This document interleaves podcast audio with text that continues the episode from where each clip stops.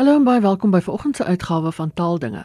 Net hier op RSG 100 tot 104 FM, wêreldwyd by rsg.co.za of op die DStv kanaal 813.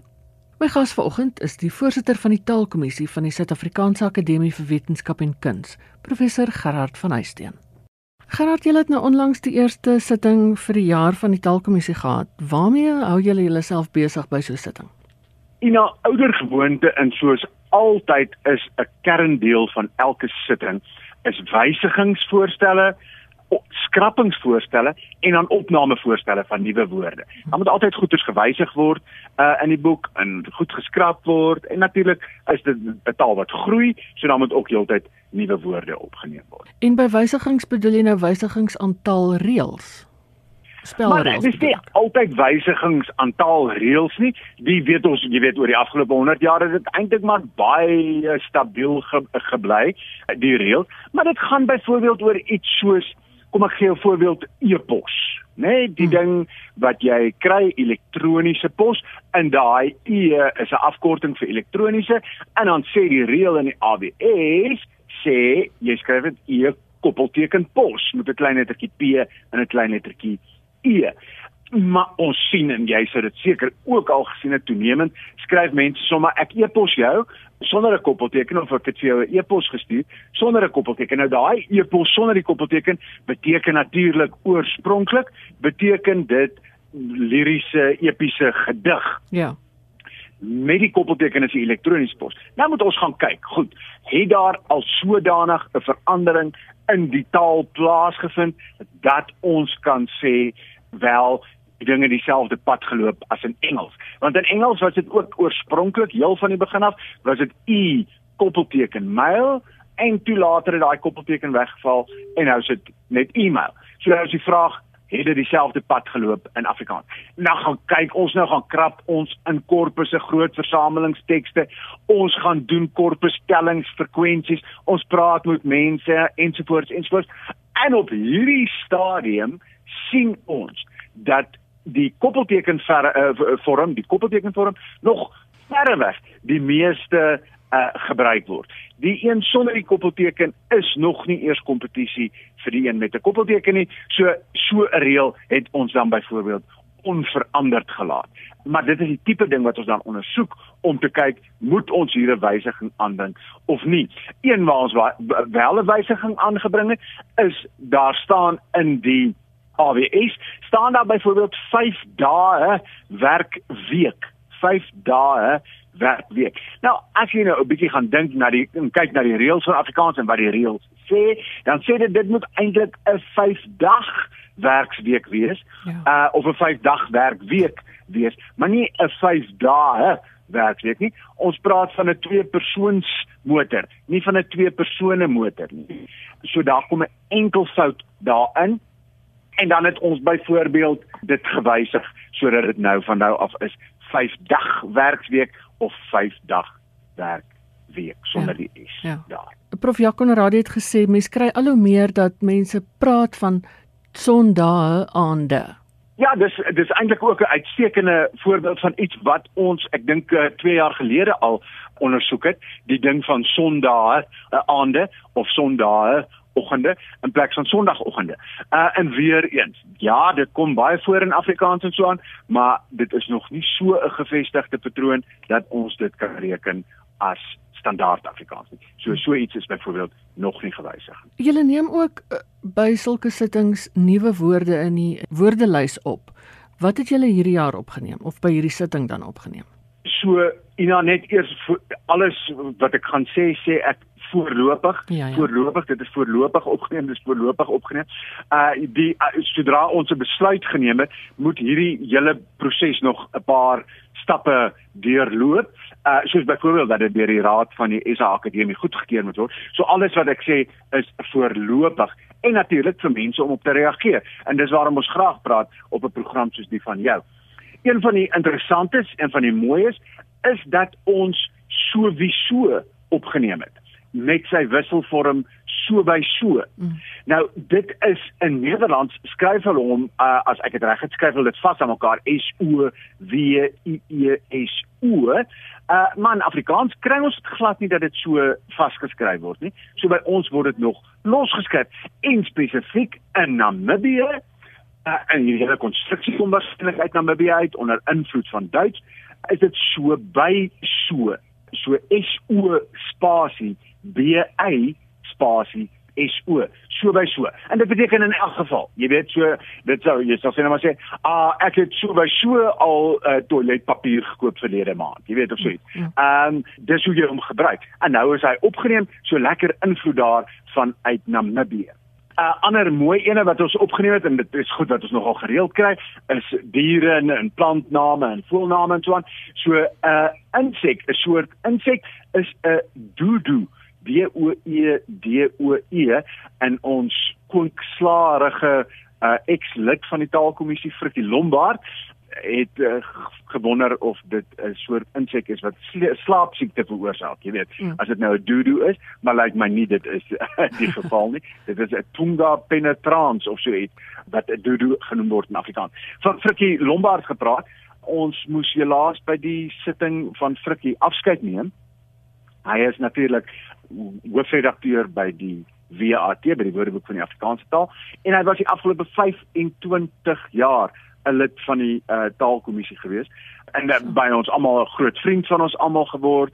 Uh dis iemand wat altyd ons settende humorsin gehad het en so aan uh of hy het nog steeds 'n humorsin, maar hy het altyd vir ons heerlike humor ook na die taalkommissie toe uh gebring en hy kon met sy kwinkslaa en sy stories wat hy altyd kon vertel enige geleentheid opvrolik. Uh so dit was vir ons almal baie hartseer om van Frikkie afskeid te neem. Maar nou ja, uh Ina, jy weet daar's vir alles 'n tyd om te kom en 'n tyd om te gaan en uh dit was tyd vir hom om bietjie meer tyd saam met sy familie te spandeer en sy gesin te spandeer. Uh so dit was ook met hartseer wat ons afskeid van hom geneem het. Ja, dit dit laat seker nog hulle leemte in terme van institusionele geheue. Absoluut. Jy weet uh en nie net ek verwys nou na na stories en so aan uh maar sê dat uh ek op die taalkommissie is en uh die afgelope paar jaar uh bietjie moes voorsvat en so aan. Jy weet was dit iemand vir iemand soos om by Frikkie elke keer te sê as ons 'n besluit neem om te sê Frikkie, uh neem ons die regte besluit. Frikkie, is dit die regte ding? Jy weet om iemand bietjie te hê wat 'n langer perspektief op die saak het, is natuurlik ongelooflik belangrik want uiteindelik blye taalkommissie en blye Afrikaanse woordelys en spelreëls baie groter, baie groter as hy individuele lede in wat van tyd tot tyd besluit word deur daardie lede. Uh en dit was dus heerlik om saam met iemand soos Frikkie te kon werk en met die geheue wat hy na die tafel toe gebring het. Kan jy dalk vir ons nog voorbeelde van woorde gee wat jy hulle oorweeg om op te neem of wat jy bespreek? Naas naas goggas en plantname en voelname en diername en sulke goeders het ons natuurlik altyd uh kosname wat ook altyd nie inkom uh en dit is gewoonlik kosname uit vreemde tale uit so byvoorbeeld die bekende en die gewilde kombucha wat 'n mens deesdae oral te drinke kry. Mm. Uh wat glo goed is vir 'n mens se se maag. Nou die kombucha die vraag is natuurlik hoe moet jy dit nou spel, né? Nee, ons weet lekker almal hoe om dit uit te spreek, kombucha, maar hoe spel ons hom? Nou wat interessant is van die woord is dat dit waarskynlik uit Russies in Engels opgeneem is. So ons ons het die woord uit die aard van die saak by Engels gekry. Ja. Maar die Engels het die woord waarskynlik by Russies gekry en oorspronklik het die Russe dit waarskynlik by Japanees gekry. Uh want dit het verwys na 'n tipe van 'n seewier aftreksel.